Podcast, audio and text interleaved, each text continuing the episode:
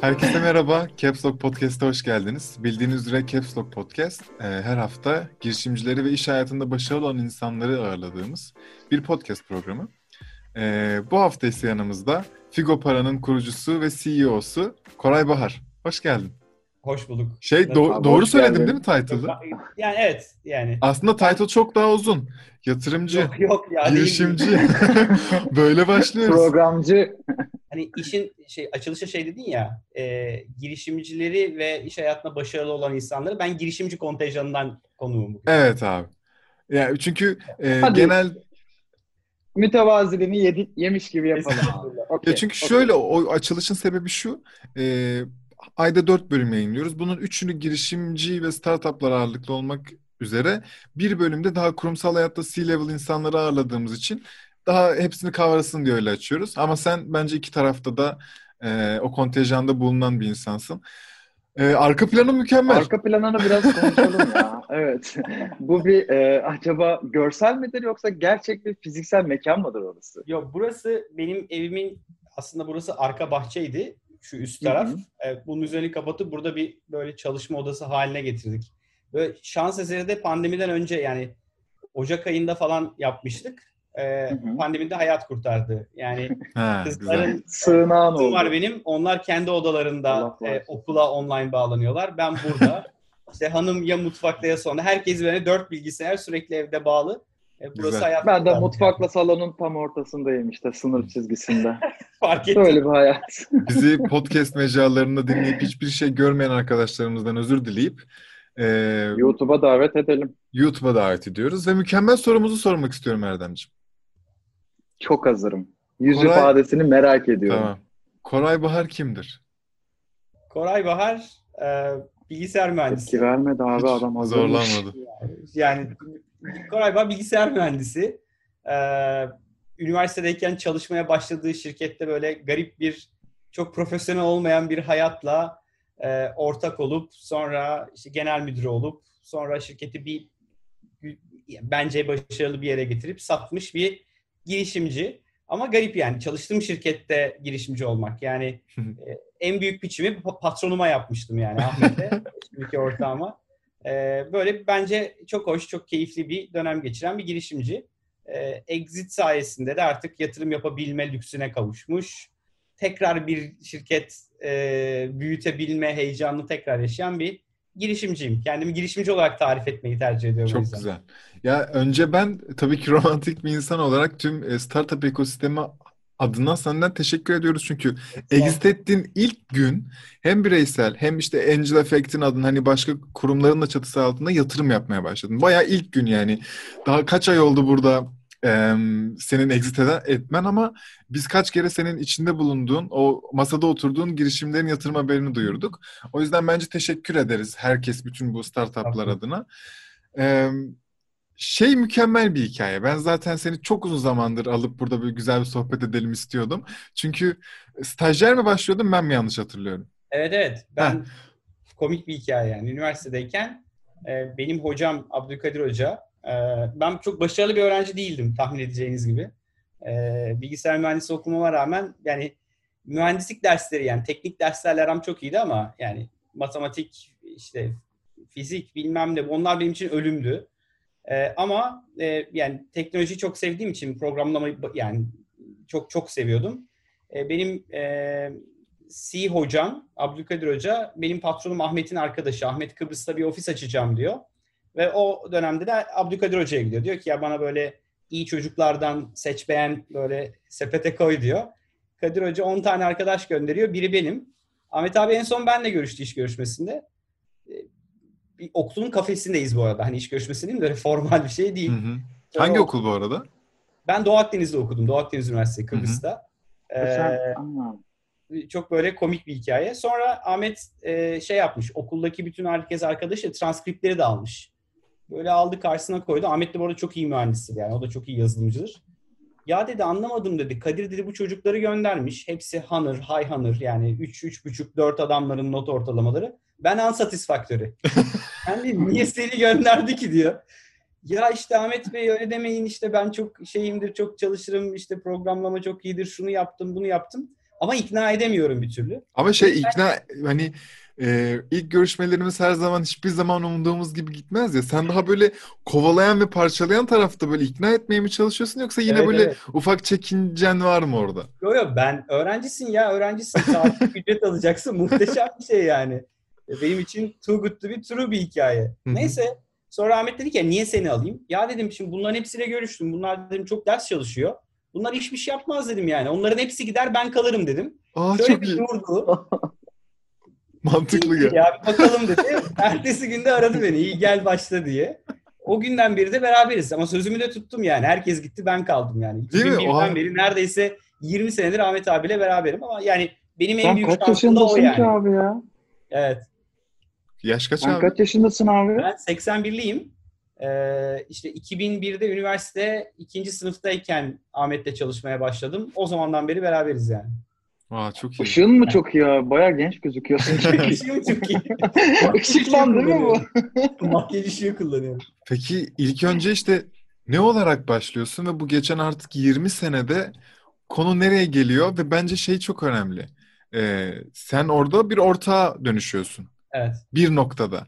O nokta nasıl gelişiyor? Ee, yani tabii ki bir anda olan bir şey değil o nokta Evet. ama e, ben oradaki e, şeyi çok merak ediyorum. Çünkü ben Türkiye'de çok duymuyorum bu hikayeyi. Yani Evet. bizde uzun zamandır ve sonra onun işte stock option hikayeleri oluyor ama içeri direkt partner olarak yani ortak olarak almak e, ve bu kadar güvenerek e, emanet eden bir şeyleri ben çok fazla bir hikaye duymadım. O yüzden bence çok e, özel bir şey. Onu hani anlatabildiğin kadar anlatırsan Tabii seviniriz. tabii seve seve.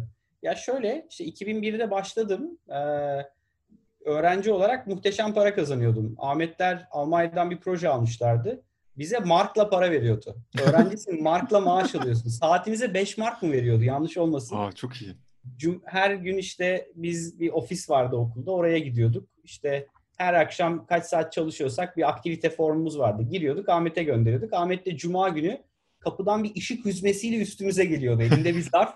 içinde üstünde adın yazıyor. içinde paralar var. Çok böyle keyifli bir dönemdi bizim için. Ee, sonra e, Türkiye'de işler toparlanınca Ahmetler tekrar Türkiye'ye döndüler. Yani orada bir, bir sene yakın, bir buçuk sene yakın çalıştım Ahmet'in yanında. E, sonra da iletişimimiz kopmadı. Yani ben okulda devam ederken ara sıra bana proje gönderiyordu. Koray şöyle bir şey var yapar mısın eder misin? Mezun oldum 2005'te. E, bir arada bir ailemin garip bir iş e, işi için iki yazımı bir otelde geçirdim. Bodrum'da bir otel işletmesi almıştı babam. Normalde hiç alakası yok. İki sene öyle bir iki yazımı Ama öyle bir garip bir Emekli tecrübe şeyi geçirdim. oluyor. Emekli kaşınması. Evet. Evet. Ya böyle çok komikti o da. Yani neyse ona da belki dönerim sonra. Sonra Tamam. ben 2000 2005'in e, yazını bittiğinde dedim ki ya baba ben kendi işimi yapacağım. Ben bilgisayarcı adamım yani. Anlamam böyle işlerden. E, o da dedi tamam sen bilirsin. Sonra e, eşimle, eşimle liseden beri beraberiz. Dedik ki abi evlenmemiz lazım. Çok gördüğünüz gibi şey bir adamım yani. Uzun bir adamım. Ee, ya dedim ben askere gideyim geleyim de sonra çalışayım. Orada Ahmet abiyle konuşuyoruz. Dedi ne yapıyorsun? Dedim abi böyle bir otelden geldim askere gideceğim. Ya dedi bir proje aldım gitme sen askere. Olmaz dedim ben evleneceğim yani niye gitmeyeyim? İyi dedi var mı iş arayan arkadaşın dedi. Dedim bir arkadaşım arıyor. İyi onu bir getir bana dedi. Biz Ahmet abiyle buluştuk. O zaman fit 5 kişi 6 kişi. Yani Foriba'nın eski adı FIT'ydi. Ee, sonra Ahmet abiyle arkadaşımı tanıştırdım. Onu işe aldı. Sonra bana dedi sen ne yapıyorsun dedi. Abi dedim bir buçuk ay sonra gideceğim askere. İyi dedi yarın gel başla. ne maaş konuştuk ne bir şey konuştuk. Niye başlıyorum bir buçuk, sene, bir buçuk ay sonra askere gideceğim. Ee, öyle bir buçuk ay çalıştım. Askerdeyken de Ahmet abi bana e, SAP danışmanlığı yapıyorduk. SAP ile ilgili işte bana eğitim dokümanları gönderiyor. İşte şuna bak diyor, şuna çalışıyor. Sürekli ben bana askeriyenin kapısından haber geliyor. Kitap geldi sana. Böyle besledi beni yani sürekli. Döndükten sonra hiç aramadım. Ahmet abinin yanında başladım 2006'da full time. Ee, sonrası komikti. Yani biz SAP danışmanlığı yapıyoruz. Sürekli terzi işi proje aslında. Hani Hı hı. ajans işine de benzer. Yani müşteriye bir proje yapıyorsun. Verdin işi teslim ettin. Mutlu ayrılıyorsun. Tekrar o müşteri mutlu edersen belki bir proje daha geliyor. Hı hı. Ama uyuşturucu işi diyorum ben o işe. Yani parça başı iş yapmak drug business. Tamam uyuşturucu almak satmaktan farkı yok bence. Ee, sürekli de Ahmet abiyle şey konuşuyoruz. Ya bizim product'a dönmemiz lazım. Yani kendi ürünümüz, kendi IP'miz, e, bütün dünyayı, bütün Türkiye'ye satabileceğimiz bir şeyler olmalı. Ee, 2008'de ilk bu e-fatura ile ilgili fikir aklımıza geliyor. O zaman Türkiye'de daha mevzuat yok. Yani e-fatura diye bir şey yok Türkiye'de. Sadece 6 şirketin yapabildiği özel bir hikaye var ama bütün şirketler yararlanamıyor. Hı hı. Sonra biz Hollanda'da bir proje alıyoruz. Yine terzi işi. Ee, SAP ile e-fatura entegre ediyoruz Hollanda'daki iki şirket için. Onu sonra geliyoruz Türkiye'de anlatıyoruz. Arada bir elektronik imza ile ilgili bir iş yapıyoruz. Sonra 2010'a kadar biz 2-3 yerde e-fatura e-fatura diye anlatıyoruz ama Türkiye'de yapmak mümkün değil. Mevzuat olmadığı için. Çok şanslı bir şekilde 2010'un başında Maliye Bakanlığı şeyi duyuruyor. Türkiye'de artık e-fatura yapılabilir. Aa diyoruz biz dört ayak üstüne düştük. Bu arada biz hiç kamuyla iş yapmayan bir şirketiz. Yani kamuya kestiğimiz bir tane fatura yok. Yani Hmm. bu arada eksedene kadar da hiç yoktu. O böyle bir kararımız yani. Kamuyla iş yapmamayı tercih ediyoruz. Onu iyi yapan insanlar var onlar yapsın. Biz beceremiyoruz o işleri. Biz biz B2B işimize devam edelim. Sonra biz gittik gelir idaresiyle tanıştık. Kendimizi anlattık. Ee, Sonra ilk müşterimiz çok komikti. Filli Boya'ydı. Ee, Türkiye'de ilk e-fatura kullanan şirketler Nalburlar. Ah, Boya Nalburlara dedi ki e-fatura kullanacaksınız. Ben size kağıt fatura göndermeyeceğim. 60 tane Nalbur 2010 yılında e-faturaya geçti. Helal olsun, çok güzel. Evet, evet. Ya koca koca holdingler e-fatura nedir diye sorarken Nalburlar e-fatura kullanıyordu Türkiye'de. Sonra dedik ki ya tamam biz bu product işini galiba bulduk. Yani biz buradan yürümemiz lazım e-faturadan. Ama tabii o işi yapabilmek için de sürekli bootstrap ediyoruz. Yani bir yerden bir proje yapıyoruz, para kazanıyoruz. Onunla kazandığımız parayı bu işe yatırıyoruz. Çünkü o uyuşturucu işinde biliyorsun eğer e, çalışanların her biri danışman bizim çalışanların. Hı hı. Danışmanlar ofiste oturuyorsa para kaybediyorsun. Çünkü müşteriye gittiğinde adam gün adam saat charge ediyorsun onları. E, dedik ki biz bu işten kurtulmamız lazım. Ama bir türlü de oradan gelen akar tamamen orayı bırakamıyoruz yani. Başka bir öz kaynak yok. O yüzden böyle 2010, 11, 12 biz e, bu işi böyle içeride bir dedike bir takımı olan bir hale getirdik. Ama diğer departmanlar danışmanlık yapmaya devam ediyor. 2012'de de pardon 2012'de de şeye karar verdik. Okey. Biz bütün o terzi işi işlerden çıkıyoruz. Sadece bu işi yapacağız. Ee, Bütün o departmanların sahibi arkadaşları aldık. Onlar kendi şirketini kurdu. Ekibini aldı, çıktı. Onlar ayrı şirketler haline geldiler. Biz de sadece e-fatura işi yapan bir şirket haline geldik 2012'nin sonunda. Ee, odaklanma çok işe yaradı yani. Hı hı. Tabii böyle bir dedike bir takım olunca da benim yönettiğim ekip, benim yönettiğim takım Ahmet abi dedi ki yani burada beraber senin hayalin, senin oluşturduğun bir şey ortak olalım. Ahmet abi bana e, bedavaya şirket hissesi verdi. Oldukça ciddi bir hisse. E, sonra ben şirketin ortağı oldum. CTO'ydum. Ahmet abi genel müdürdü. 2014'te ilk yatırımı aldık biz Revo Kapital'den. 4 milyon dolar. E, ondan sonra Ahmet abi dedi ki tamam artık sen genel müdürsün. Ben yönetim kurulu başkanıyım. Sana başarılar. E, sonra şirkete emanet etti resmen bana.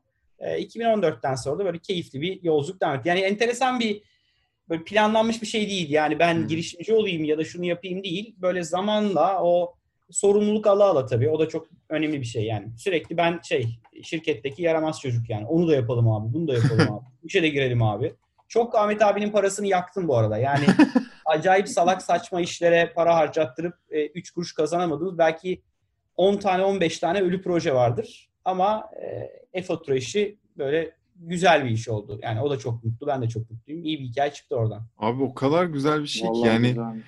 o çok noktası var benim dinlediğim kadar. Hani Ahmet abiyi işte biz de abi diyelim ee, inanılmaz bir insan. Yani gerçekten bu kadar iş bitirici, bu kadar emanet edebilen, bu kadar dürüst hani gerçekten burası çok iyi. Senin bu kadar tuttuğunu koparıyor olman gerçekten her alana o şey gibi eskiden e, Süheyl Uygur'la Behzat Uygur'un bir programı vardı ve orada boya kutularını atlıyorlardı ya. Sen orada gerçekten her kutuyu atlayıp boya çıkarsa tamam deyip çıkıyordun bu da bize renk oldu diyordun. Başka bir kutuya atlıyordun orası dolu çıkıyordu ve sen ayaklarının üzerine basıyordun ve böyle böyle atlaya atlaya o e, eşiği atlamışsın ve geçmişsin karşı tarafa. Eyvallah. Hakikaten e, ve başka bir tarafı var ki 10-15 tane proje yaktık ve bir tanesi tuttu diyorsun. Evet. Bak yani içeride demek ki neler ne hikaye var bu 20 senede. Tabii tabii. Çok, çok başarısız hikayesi var. Ama O zaten şey e, net bir şey ya. Ya başarı Ahmet'in iki tane sözü var. Çok sık kullanıyorum. Bir tanesi şey e, eğer diyor e, bir transatlantik kaptanı olacaksa o kaptanın daha önce gemi batırıp batırmadığına bakarlar diyor. Yani gemiyi karaya oturtmuş mu? Hı. Hani ondan bir tecrübe elde etmiştir. Bu adamı kaptan yapalım. Ee, o, o çok önemli gerçekten. Yani bir tecrübe, kötü bir tecrübe yaşamadan öğrenemiyorsun. Kesin. Hala yaşıyoruz bu arada. Yani hala bütün o yolculuk boyunca, o Foriba'nın dışarıdan güzel gözüken yolculuğu boyunca Hı hı. bir sürü hata, bir sürü başarısızlık hikayesi yaptık. Ki o başarısızlık hikayeleri bizi bir yere getirdi. Bir de şeyi çok önemsiyorum, Ahmet'in çok sık kullandığı. Ee, iki ortak arasında eğer kendinden çok karşı ortağını düşünüyorsan o ortaklık güzel sonuçlanıyor.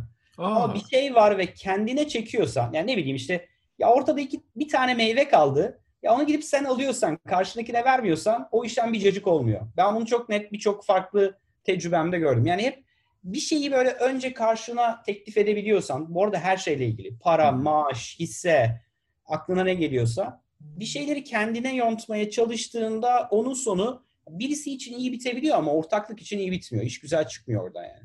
Çok güzelmiş bu. Ya her ne kadar arkadaşlık başka, e, iş başka deseler de aslında halen orada insan olmak ve e, bu bu bu güdüyü korumak ne kadar önemli. Ya bu ne kadar güzel bir bölüm oluyor ya benim için. Çok çünkü umut veriyor. çocuğu gibi olduk Erdem. Aynen. Abi ben ben de konuk Erdem? dinliyorum çünkü Mutlu aşırı Umut acayip mutlu ben bozmayayım diye bekliyorum böyle. Yok yok gerçekten çok umut verici şeyler bence. Ya Bunlar vallahi çok gerekli çok- şeyler. Ben keyifle dinliyorum. Ve Ama e, şimdi biraz burnumu sokmam lazım. lütfen. Tecrübe falan dedik ya, bak aklıma bir soru geldi şimdi. Sen ne güzel içeride yaşamışsın, etmişsin bu tecrübeleri ama bu senin ilk işin gibi anladım ben. Daha önce farklı bir işte bir tecrüben var mıydı? Bunun bir zorluğunu yaşadın mı? Varsa veya yoksa çünkü ben yok gibi kafamda canlandı. Doğru. Ben yani iş hayatıyla ilgili öğrendiğim her şeyi burada öğrendim. Yani Hı hı. ben bilgisayar mühendisiyim. Ahmet'in yanında ben part-time yazılımcı başladım. Full-time yazılımcı oldum. Takım yönettim. Sonra departman, ekip yönettim. Ee, şirketin "A- abi artık böyle yönetemiyoruz. Organizasyonu şöyle yapalım. Hep yani beraber paslaştık ama bir sürü şeyi, Hı hı. macerayı burada yaşadım. Bir de garip bir mühendistim ben. Yani çok iyi bir yazılımcı değildim hiçbir zaman. Yani böyle en iyi state of art kodlar benden çıkmazdı. Ama problemi her zaman çözerdim. E, Böyle dilim de hani ağzım laf yaptığı için genelde böyle satışa, sunuma, bir yerde bir şey anlatılacaksa Ahmet Koray git anlat derdi. Çok Hmm. böyle enteresan hikayelerimiz var onunla. E, Bir şey yani yapılması, anlatılması gerekiyorsa her zaman keyif aldım. Bir şey anlatmaya. O storytelling işi benim çok sevdiğim bir şey. Gerçekten çok seviyorum. E, Ki B2B bir iş yapıyoruz. Yani B2B yazılım satıyorsun. Yani anlattığın şey ne bileyim bir ya, Trendyol gibi bir hikaye değil ya. Herkese dokunmuyorsun. Foy ve fatura satıyorsun. Yani al bunu buradan devlete gönder, vergi. Hepsi pis işler yani. Kimsenin hoşuna gidecek hikayeler değil. Ama bunu doğru hikayeleştirirsen müşteriyi kazanabilmek adına o iş para ediyor. Ama o hayatımızın yani. bir parçası olmazsa olmazı yani. Evet Kesinlikle. kesinlikle.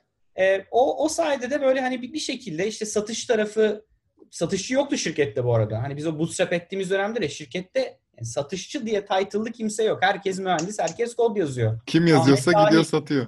Aynen öyle yani. Ahmet işte şurada bir müşteri var. Koray git buna bir anlat. Şuna bir teklif hazırla. Çok biliyorum yani. E-fatura başladığı dönem de öyleydi. Sabah bir müşteride kod yazıyorum. Öğleden sonra takım elbiseyle başka müşteriye gidip sunum yapıyorum.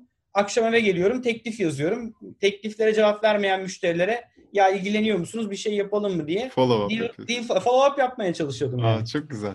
Ve Oradan her şeyi öğrene, düşe kalka, düşe kalka, ürüne nasıl fiyat verilir, ya böyle verdik battık olmadı şöyle verelim. Hepsini aslında deneme şansım olduğu için aslında bir tecrübe birikti içeride. Gerçek bir startup tecrübesi edinmişsin aslında. Gerçekten öyleydi.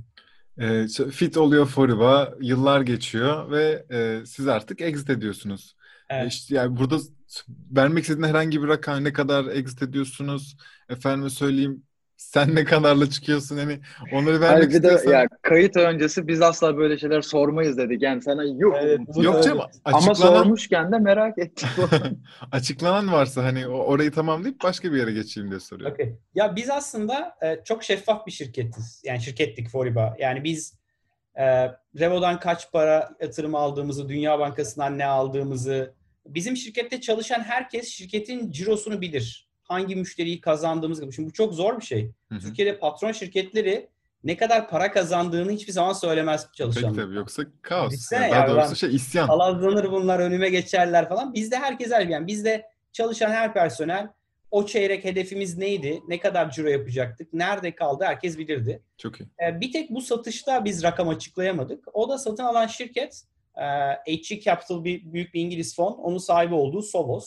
Yani çok e, satın alma iştahı yüksek bir şirket. Her sene en az 3 şirket, 4 şirket satın alıyorlar. doğal olarak da benchmark edilemesin diye yani satın aldığı şirkete diyor ki sakın bunu hiçbir yerde söyleyemezsin. E, onun dışında da hiçbir böyle ağır şartı yok bu arada. Yani ben e, satıştan sonra çıkıp istediğim iş yani sattığı para hesabıma yattı. Ertesi gün selametle deyip gidebileceğim kadar rahat bir sözleşmeyle sattık biz. E, o yüzden bir tek rakamı açıklayamıyoruz ama rakamla ilgili şöyle bir şey söyleyeyim. Hı hı. E, bizim exit haberi duyuldu. Twitter'da insanlar paylaşıyorlar. Ahmet bana bir tane tweet'in screenshot'ını alıp göndermiş. Nerede oğlum paralar diye. Ben şimdi nerede oğlum paraları okudum. Ya dedim Ahmet abinin para yatmadı mı acaba hesabı? Sonra fotoğrafı açtım. Şimdi millet konuşuyor. Diyor ki işte abi diyor paraşütü sattılar şu kadara, Iziko'yu buna satmışlar, Foriba'yı da 300 milyon dolara satmışlar diyor. Güzel para. Ki, Koray bana bu kadar gelmedi ya diyor. Nerede bu paralar? Yani 300 milyon değil işin özü. Tamam. Gerçekten de. Ama kendi size'ımızda yatırımcıların da e, kurucuların da çok mutlu olduğu bir iş oldu. Alanın da mutlu olduğu bir hikaye çıktı yani. Herkesin ellerine sağlık ve sen gerçekten çıkış yaptın başka bir kapıyı açtın. O da Figo Para. Aslında, Aslında çıkış yapar yapmaz da değildi yani. Öyle mi? 6 ay, evet 6 ay kaldım ben. Yani Ahmet çıkış yaptıktan sonra ceketini aldı. Hadi Koraycığım dedi görüşürüz. O 1 e, Ağustos, 2 Ağustos günü onun pastasını kestik uğurladık. Güzel. 2 Ağustos'ta o zaten Göcek'te yatındaydı. ben ise e, hem Türkiye'nin operasyonu devam ettirdim. Yani Sovos'la Foriba'yı entegre etme süreci. iki şirketi beraber çalıştırma. Yani bir sürede e, VP of Strateji rolüyle Sovos'ta e, globale bağlı bir rolde işte Sovos'un Asya açılımı, Endonezya'ya nasıl gideriz, Vietnam'a nasıl gideriz, Hindistan nasıl şirket alırız gibi o stratejilerini yönettim. Ya benim için şey gibiydi o 6 ay 7 ay. Executive MBA gibiydi. Yani hmm. çok evet. şey öğrendim. Çünkü Foriba'da biz nereden baksak 15-20 milyon, 15 milyon dolara yakın bir ciroya gelmiştik. Çok karlı, 220 kişilik, 8 ülkede iş yapan bir şirkettik. Ama işte atıyorum 300 milyon dolar ciro yapan, 1500 çalışanı olan bir şirkette üst yönetici olmakla Foriba'nın patron olmak arasında bir sürü dinamik fark var. E, o 6 ayda böyle e, hep şeydi. Benim için böyle bir ter, kendimi terbiye etme dönemiydi. Yani o kadar hızlı koşmana gerek yok. Daha az risk alabilirsin. Öyle de olmuyor. Yani keyifli bir dönemdi. Çok şey öğrendim ama o o ağırlık bana çok geldi. Yani Anladım. biz bir ülkeye girmeye FOIBA ekibi olarak işte bir ayda karar veriyorsak ya orada altı ayda karar vermek gerekiyor. İşin dinamiği öyle. Ee, onun verdiği böyle bir yorgunluk vardı. Sonra dedim ki ya ulan hayatında en konforlu olduğun dönemdesin. Bankada paran var, işin var, derdin yok. Git keyif alacağın bir şey yap ki çok keyif almama rağmen ondan sonra kolları sıvayıp Figo paranın başına geçtim. Aynen. Ben şimdi hatırladım. Ee, istifa etti ve iş yani işten çıktı ve e, evet. Figo parayı kurdu. Şimdi hatırladım. Ben nedense direkt çıkar çıkmaz hatırlamışım da sen anlatınca geldi. Peki Figo para nedir? Bize böyle çok küçük bir bahseder evet, misin? Evet, anladık. Şimdi bilmeyenler aydınlansın. Ya, e, Figo para e, DOS meclisinde elektronik aslında finansman şirketi izliyorum. Yani şu şunu yapıyoruz. Ee, senin müşterilerin var bir fatura kesiyorsun ve müşterin diyor ki sana ben senin paranı 3 ay sonra ödeyeceğim. Ve sen 3 ay beklemek zorundasın. Ee, özellikle birçok sektörde çek yok, senet yok. Yani gidip o faturanı götürüp bir bankaya ya ben işte Koray'dan 50 bin lira alacağım var bunu bana bugün öder misin diyemiyorsun. Hı hı. Biz o derdi çözüyoruz. Yani COBİ'lerin e, müşterilerine kestiği faturaları vadesinden önce tahsil edebilmesi için Factoring. bir finansal teknoloji şirketi. Buna reverse factoring deniyor şu an yaptığımız işe. Tersine factoring işlemi. Aslında yani bunun e, sektörel adı supply chain finance. Tedarik zinciri finansmanı işi. Biz ana firmalarla anlaşıyoruz. Örneğin hepsi buradayla. Hepsi burada diyor ki bize bunlar benim tedarikçilerim. 500 tane tedarikçisini veriyor bize. Biz o tedarikçilere anlatıyoruz ne yaptığımızı. Sisteme üye ediyoruz onları. Sonra hepsi burada. Diyelim ki ben hepsi buranın tedarikçisiyim. Bir fatura kestim. 100 bin liralık bir alacağım var. 45 gün sonra alacağım hepsi buradan.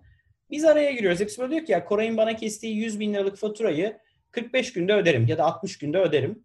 Sonra hepsi burada ya kredi açan bir banka Koray'a teklif veriyor. Ya Koray 100 bin liranı istersen 45 gün bekle, istersen de bugün sana 98 bin lira olarak ödeyeyim diyor. Normalde ben Koray olarak gitsem kredibilitem yetmeyeceği için ya da işte daha küçük bir işletme olacağım için hepsi burada kadar ucuz finansman bulamıyorum. Öyle bir derdim var. Kobiyim çünkü ben. Oysa hepsi burada inanılmaz hacimlerle işler yaptığı için çok daha uygun bir finansmanla bankayla anlaşabiliyor.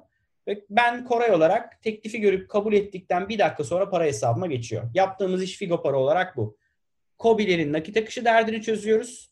Bizimle çalışan büyük şirketlerin de işletme sermayesi derdini çözüyoruz. Yani yeri geldiğinde Koray'a vadesinde ödemek zorundayken bir paraya ihtiyacı olduğunda bankaya diyor ki Kore'ye sen 45 günlük vadede öde ama ben sana 60 günde ödeyeceğim. Daha geç bir vadede bankaya ödeme opsiyonu sunuyoruz. Bu sayede hem bizimle çalışan büyük firmalar hem de COBİ'lere kaynak yaratmış oluyoruz. Özünde yaptığımız iş bu. Bu e, ben şimdi bunu ilk defa dinledim bu modeli. Yani Figo Para'ya baktığımda anlamamıştım. Yalan söylemeyeyim ne olduğunu. Sen ilk anlattığında da videoda anlamamıştım. E, şu an biraz daha kafamda canlandı. Çünkü o banka şeyini slotunu anla yani. Sen aslında banka üzerinden döndürüyorsun her şeyi. Evet biz para vermiyoruz, kredi Evet. vermiyoruz. Biz aslında bankayı, alıcıyı, satıcıyı çok böyle pratik bir ortamda bir araya getiriyoruz. Aynen. Aslında biz multi-bank lending platform diyorlar. Yani birden çok bankayla e, finansman sağlayan bir platformuz. Yani herkesi buluşturan bir marketplace gibi. Aynen. Ben işte bu banka kısmını atlamışım ki kafamda oturmamış herhalde. Şu an oturdu ve şunu düşünüyorum. Bu e, nereden görüyorsun? Nasıl aklına geliyor? E, nasıl yapabileceğine inanıyorsun bunu? Çünkü bence Türkiye'de finansla uğraşmak gerçekten zor. Hele hele bir de bunun birkaç oyuncusu yani banka oyuncusu var, KOBİ oyuncusu var, işletme oyuncusu var ve diyorsun ki tamam siz merak etmeyin. Herhangi bir şey isterseniz ben onu standartize edeceğim ya da sizin için daha e, kolay hale getireceğim. Ve bu alışverişte sen nereden para kazanıyorsun abi? Komisyondur o da herhalde. Yani biz işlem ücreti alıyoruz. Bankadan İşlem ya da ücreti. alıcıdan e, ya da tedarikçiden anlaşmaya göre Hı hı. değişiyor. Biz bu platformu sağladığımız ve bu işi seamless hale getirdiğimiz için işlem başına bir ücret alıyoruz. Aynen. Dediğim gibi tedarikçi oluyor bu, bazen bu şey oluyor, alıcı oluyor, bazen banka oluyor. Yani Yaptığımız ner- iş bu. Peki nereden esiyor böyle bir şey Ya yapmaya? nereden esti? E, aslında biz mecburiyetten esti. Yani bir problem olmasa çıkmıyor Evet. ya bunlar. Hani bir, bir- sıkışman lazım, bir daralman lazım ki bir, bir şekilde bir, bir hikaye çıksın. Ee, Biz şimdi 2014'te Foriba'da yatırım aldıktan sonra 14-15 çok iyi geçti. Acayip hızlı büyüdük. Yani hem yeni regülasyon sayesinde pazar çok hızlı büyüdü. Biz de pazardaki ilk oyuncu olduğumuz için herkesten hızlı büyüdük. Hı hı. Ama 2016'da e, hatta 15'in sonu 16'da yeni bir regülasyon gelmeyince pazar küçülmeye başladı. Yani Türkiye'deki e-fatura, e-defter pazarı. Biz ona rağmen %25-30 civarında her sene büyüdük Türk lirası bazında. Ama dolar bazında küçülüyorduk. Yani biz 2014'te Revo'dan yatırım aldığımızda dolar 2 liraydı. Ee, Hı hı. 2018'de Dünya Bankası'ndan yatırım aldığımızda 3.48, 3.43'tü, 3.47 idi. Ee, 2019'da şirketi sattığımızda 5.47 idi. Bugün 7.5 galiba. Yani düşünsene 2'den 7.5'a giden bir şey. Yani Türkiye'deki eğer Türk lirası kazanmaya muhtaç bir girişimsen en büyük rakibin kur. Yani Kesinlikle. şimdi dolar bazda değerlendirmek istiyorsan tabii. Yani Türk lirası bazında değerini artıyor sürekli. Şimdi o 2016'da, 2015'te yani pazar küçülünce biz dedik ki ya tamam bu sene bir e-fatura, bir e-defter, yeni bir şey yok ya da yeni şirketler e-fatura kullanmak zorunda değil.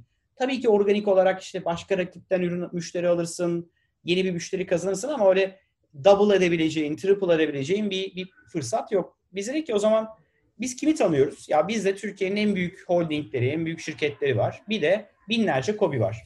Ya biz ne yapsak bu müşteri kitlesine e, katma değerli bir hizmet verebiliriz. Bu arada bir sürü fikir geldi, bir sürü şey denedik.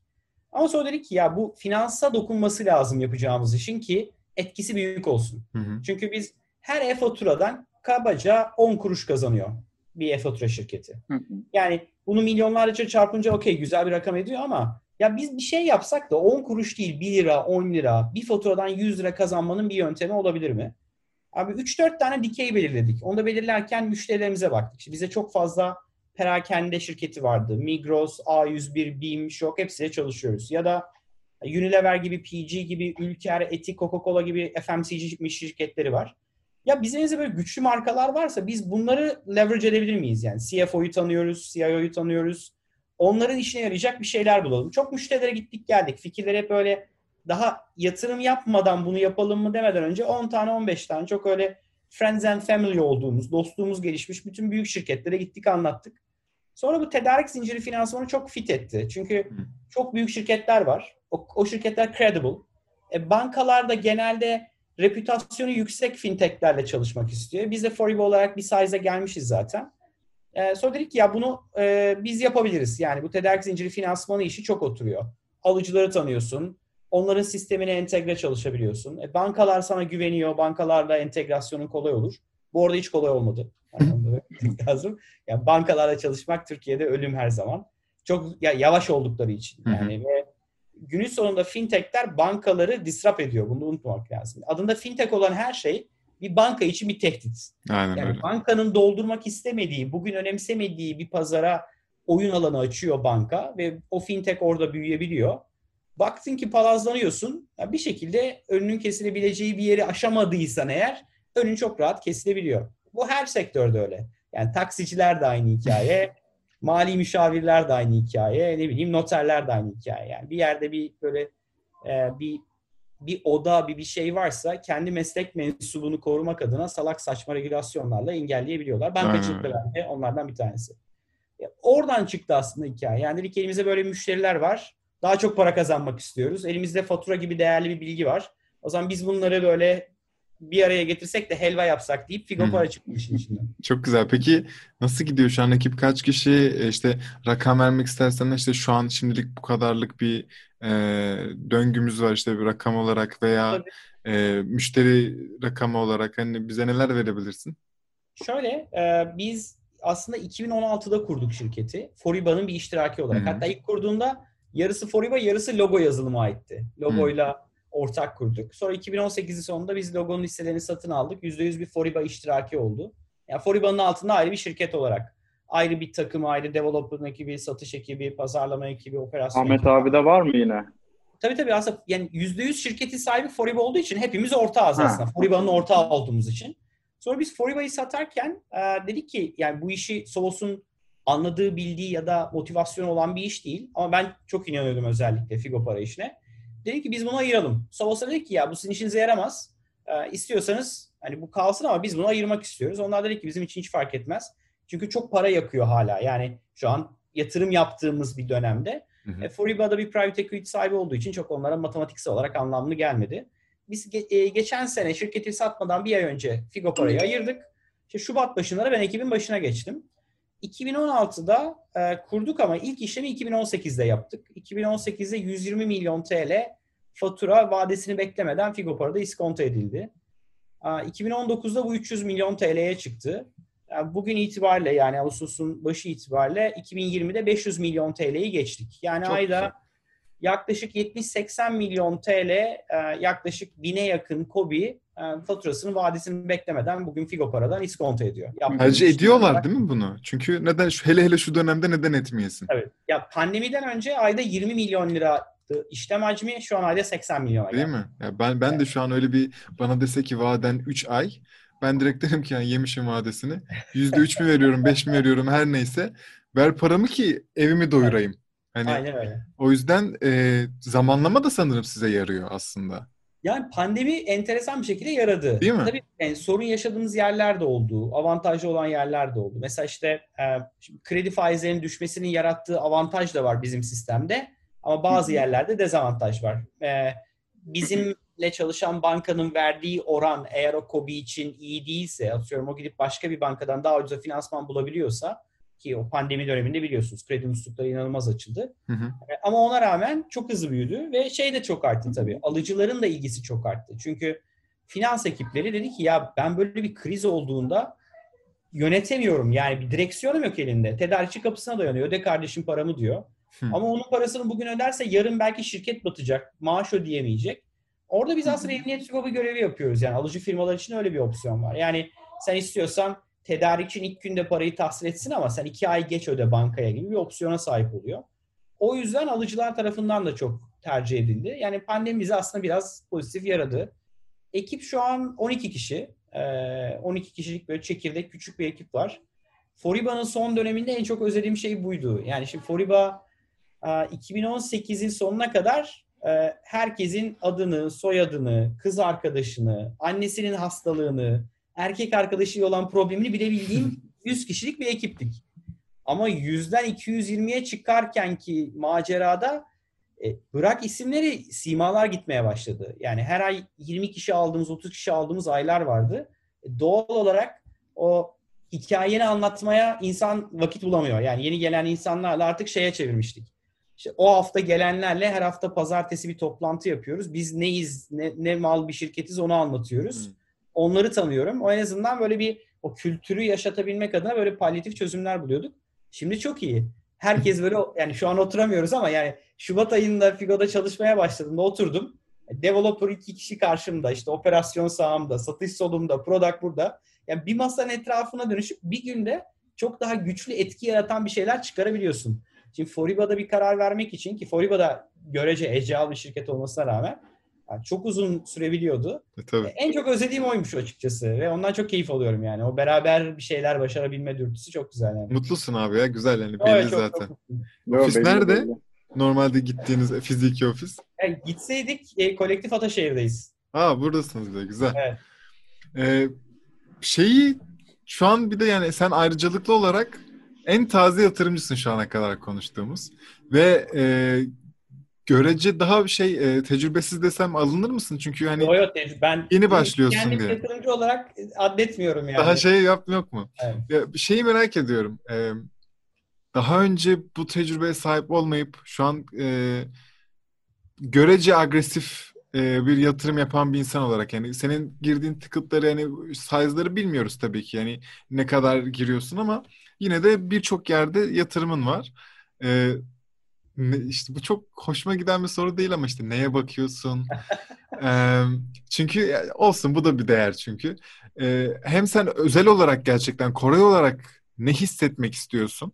Çünkü bir şey hissetmek zorundasın. Ee, ve planların ne bu tarafta? Yani ya da ne kadar zaman ayırmak istiyorsun, ayırabiliyorsun, ayırmak istiyor musun? Çünkü e, sen yatırımcılarla ilişkisi olan bir insansın daha önceden ve eminim ki şunu demişsindir içinden.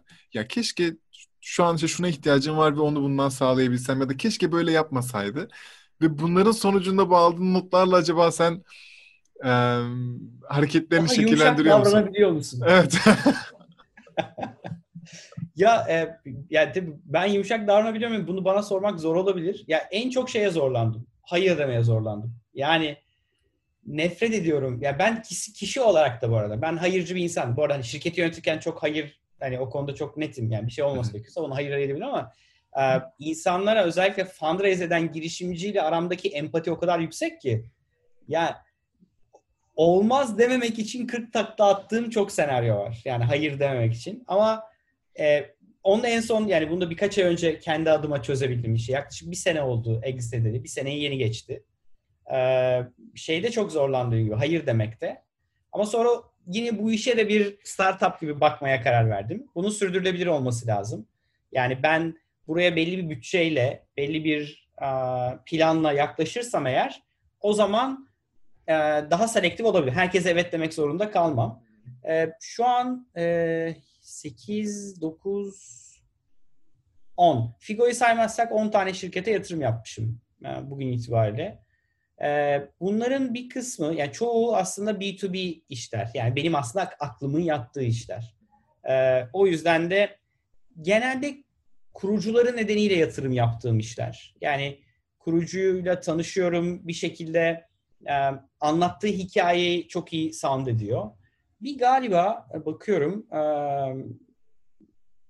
bir galiba Global Zone B2B bir iş değil. Onun dışındaki yatırım yaptığım işlerin hepsi B2B işler. E, Global Zone'da da Doğan'a yatırım yapma hikayem çok komik zaten. Yani böyle hiç yatırım için Doğan'ın değil. aldığı her mentorluk- yatırım komik bence. ya biz Doğan'la Yanlış anlaşılmasın. Doğan kendi çok mizahi, Almış evet. ya Yani. ilk yatırım o yüzden yani. aynen Doğan- çok Doğan tatlı bir çocuk yani iyi bir girişimci diye sevdiğimizden ya. Şimdi öyle komik olunca yanlış anlaşılabilir. Yo, yanlış anlaşılmasın. Doğan süper bir girişimci bence. Yani onun dışındaki bütün yatırımlar hep B2B. O yüzden bir kere kafamın yatması lazım. Yani ben B2C işler anlamıyorum. Yani ne bileyim bir e-ticaret işi, bir şey satma işi benim kafam almıyor. Yani oradaki matematiği ben yapamıyorum. Bir de Hmm. hani matematiği yapsam bile katkım olmuyor. Abi customer acquisition nasıl yaparız? Ne bileyim nasıl yaparız? Hiç yapmadım ki ben. Yani ufak fikrim yok yani. Okey bana git de ki işte bilmem ne holdinginin CFO'su nasıl ulaşırız? 50 tane taktik sayabilirim sana. İşte akşam 6'dan sonra ara. Asistanı olmaz o saatte güvenlik açar telefonu. Çünkü çok değerli tamam mı? B2B SaaS yapan adam için çok değerli bu. Yani 6'dan önce aradığında asistan bağlamaz. 6'dan sonra ararsan güvenlik açar. Güvenlik açtığında da çat diye verir sana CFO ile konuşursun. Şimdi ama bunu benim verebileceğim bir taktik yok yani o işlere. Hı hı. O yüzden para vermenin ötesinde kişisel olarak katkı sağlayabileceğim. Ne bileyim ya Koray Umut'u tanıyormuşsun sen ben Umut'a ulaşmak istiyorum diyecek birisi varsa ben de Umut'u tanıyorsam o bir sürü süreci hızlandırabiliyor. Yani paranın ötesinde böyle farklı katalizörler devreye koyabileceksem o işlere girmeye daha rahat e, ikna oluyorum diyelim. Hani baktığım Anladım. şey yani işin matematiği, değerlemesi falan zaten onları becerebilsem belki daha hani bir yatırımcı title'ım olabilir. O yüzden ben girişimciyim. Sadece yani aynı düşünebildiğimiz yani işine benim kadar tutkuyla bakan bir girişimci gördüğümde yatırım yapmayı tercih ediyorum. Hiçbir Anladım. zaman değerlemeyi ben set etmiyorum. Yani hiçbir yatırımımda ya şu fiyat olsun. Çünkü en çok gelen şey abi kaçtan yapalım? Ne bileyim oğlum ben diyorum. Ben de girişimciyim ya. Ne söyleyeyim sana? Git birileri söylesin.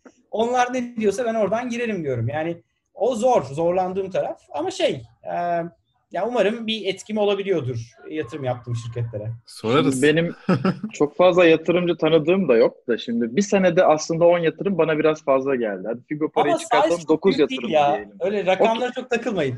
Aynen yo yo yatırdığın paraya hiç takılmıyorum. Ya bu kadar hani böyle senin hayalin miydi bu? Ben e, exit edersem hızlı bir şekilde böyle yatırım yapacağım ya da hani bu yatırımcılığı mı öğrenmek istiyorsun biraz böyle küçük küçük paralarla? Yok ya. ben ettim. yatırım yaptığımı duyunca ben hep şey düşünüyordum. Ya işte tanımadığım akrabalarım çıkar.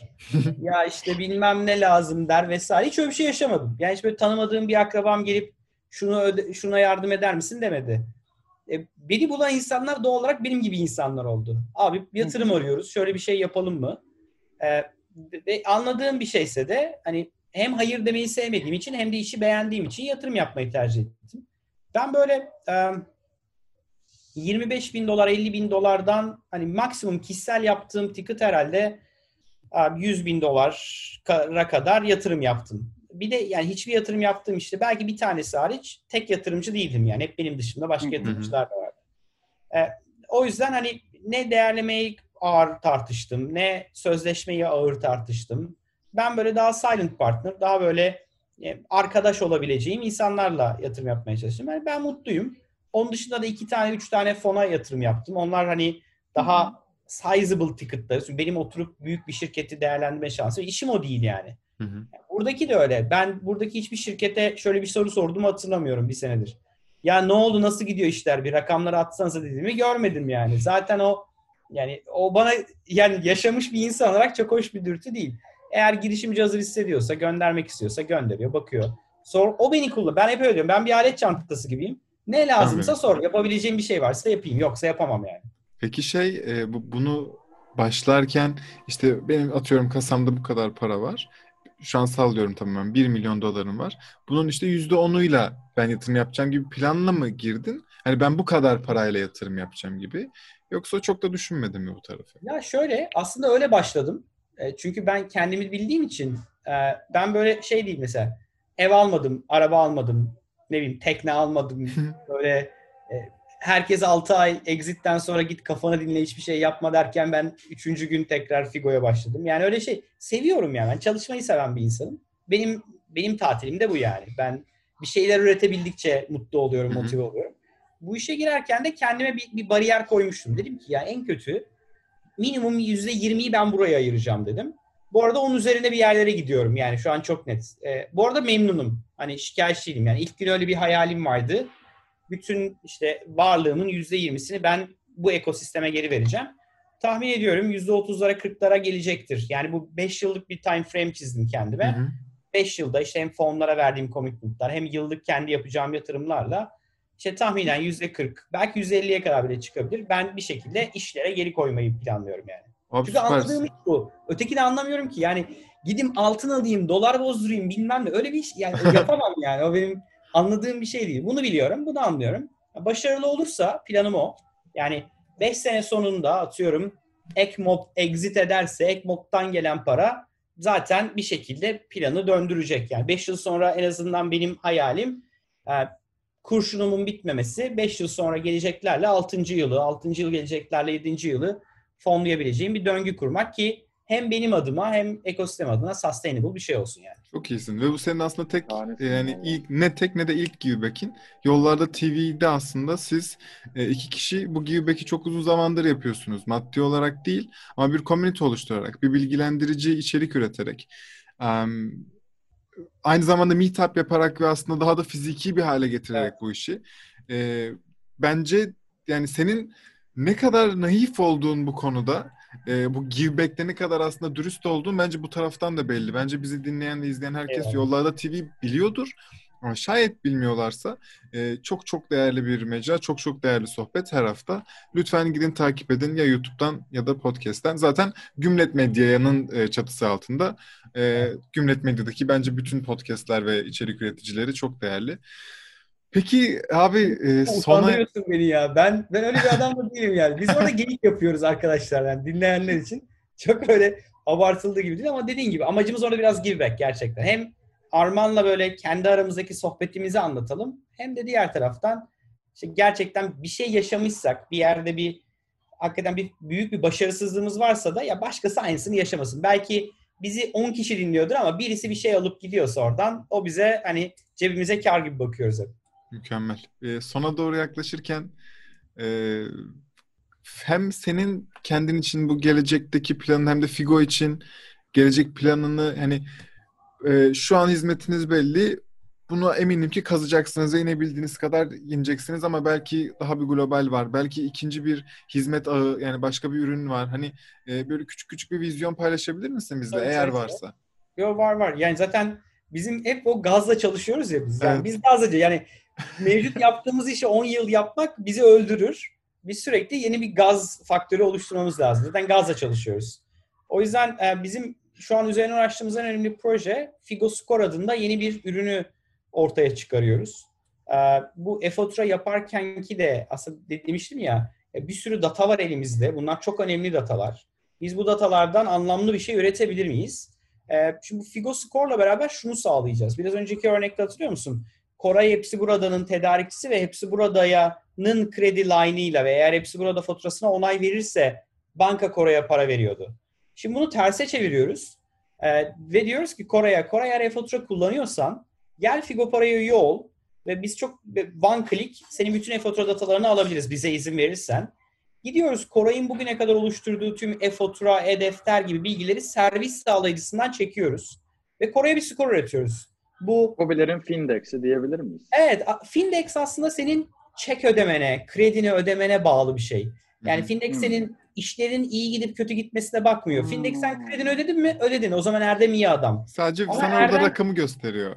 Evet. Eğer banka senin için ne şey yaptıysa, öngördüyse o da onu gösteriyor. Aynen öyle. Biz ise senin ticaretine bakıyoruz. Ya Erdem 12 aydır Umut'a her ay fatura kesmiş. Umut da her ay parasını ödemiş. Erdem'in cirosu aylar bazında böyle artmış. Giderleri böyle artmış hesaplayabildiğimiz için Erdem'in ticaretine bakıyoruz. Ee, çünkü bir de e, bankalar kredi verirken bir Findex'e bakıyor. Bir senin beyannameni istiyor. O da 3 ay geriden geliyor ya da bilanço mizanını. O aradaki 3 ayı göremiyor bankalar. Biz ise senin bugün kestiğin faturayı, bugün aldığın faturayı görebilmek için çok daha detaylı ve doğru bir ticari analiz yapabiliyoruz. Ve bu skoru üreterek aslında bankalardan yeni bir kaynak yaratmakla ilgili bir planımız var. Bu sayede aslında Türkiye'de e-fatura kullanan 300 bin şirkete çok daha anlamlı, çok daha kolay, çok daha hızlı bir finansman yaratmak gibi misyonumuz var. Bu birinci strateji. Yani bizim için çok kritik. Yani bunda Ekim gibi başlayacağız. Ah, Bunu yapabilmek için de şu an bir yatırım turundayız. Ee, hem bir yandan Figo'ya yatırım yapıyorum kişisel olarak hem de yeni yatırımcılardan yatırım almaya çalışıyorum. Keyifli bir süreç ama olumlu gidiyor. Tahmin ediyorum bu ay sonu Ekim ortası bitireceğiz ve o gelen kaynağın tamamını bu KOBİ finansmanında kullanacağız. Hı hı. Ee, İkinci strateji de Foriba'daki en büyük pişmanlığım ve belki ekibin de en büyük pişmanlığı biz çok geç yurt dışına çıktık. Yani biz 2018'de Foriba'da yurt dışı operasyonunu açtık ki bir senede 2 milyon euroya yakın gelir elde ettik. Hatta 6 ayda, 6,5 ayda. Ee, onu burada o hatayı yapmak istemiyorum. O yüzden e, Foriba'da da sağ olsun bizim global operasyon yöntem Bulut aramıza katıldı Figo'ya. Ve Bulut'la beraber önümüzdeki sene ilk yurt dışı kontağında Figo Para'da çevireceğiz. Yani aslında benim ekibe katılmamdan bir sene sonra artık biz yurt dışında da Figo var diyeceğimiz ve böyle belki her yıl bir iki tane ülke açacağımız bir stratejiyle bu işi büyütmek istiyoruz. Bu ikisi bizim en önemli şu an odağımız yani. Çok iyiymiş. Ben Çok heyecanlandım. kesinlikle yani bu kredi puanına kredi puanı diyeyim ya şey yani Figo skora acayip yükseldim çünkü e, bazı şeyleri standartize etmek e, o, o, o bazı oturtmak gerçekten çok önemli e, ve güzel getirisi olan şeyler. E, hoşuma gitti. Yani elinize kolunuza sağlık. Tüm ekibe buradan da zaten e, sevgilerimizi iletelim. Bu kadar da e, şeyimiz olsun bence. E, var mı Erdemciğim başka sormak istediğin aklına takılan? Valla ben o kadar keyifle dinledim ki yani. Yani bir, bir böyle daha bir bu kadar daha çekip çok şey sormak istiyorum ama onu artık özel yaparız. Tamam, artık o zaman biz sizi Yollarda TV'ye konuk alırız orada konuşuruz. Seve seve abi. Olabilir neden olmasın abi. Yani ne kadar bir şey aktarabiliriz tabii meçhul ama Tamam. dilimiz döndüğünce diyelim. E, o zaman izninizle kapatıyorum. Seve seve çok teşekkür ederim. Ee, dinleyen ve izleyen tüm arkadaşlara teşekkür ederiz. Ee, gördüğünüz gibi gerçekten farklı, e, çok güzel bir hikaye ve devam edecek bir hikayeyi dinlediniz. Bence bu hikayenin devamını da bir sonra e, tekrar dinliyor olacağız. Ee, bizleri özellikle Instagram'da takip etmeyi unutmayın. Bu güzel girişimlerin e, güzel haberlerine ve bilgilerine e, bizim hem web sitemizde özellikle Instagram'da yer veriyoruz. E, günlük bazda ciddi içerik üretiyoruz. O tarafı takip etmeyi unutmayın. Yollarda TV'yi e, kesinlikle takip etmeyi unutmayın. Eğer Koray sana ulaşmak isterlerse LinkedIn mi? Yani LinkedIn çok rahat. LinkedIn, Twitter, Instagram yani her yerden ulaşabilirler. Yani cep Tamam. telefonu şimdi burada vermeyeyim ama zaten LinkedIn'den yazınca ikinci mesajda ben numarayı veriyorum. Tamam. Duydunuz. E, bence bu el çantasını kullanın. Kim olursanız olun bence önemli. E, tekrardan çok teşekkür ederiz abi. Ben çok- Geldiğin ve onur Ağzına duyduk yani. abi. Haftaya görüşürüz arkadaşlar. Kendinize iyi bakın.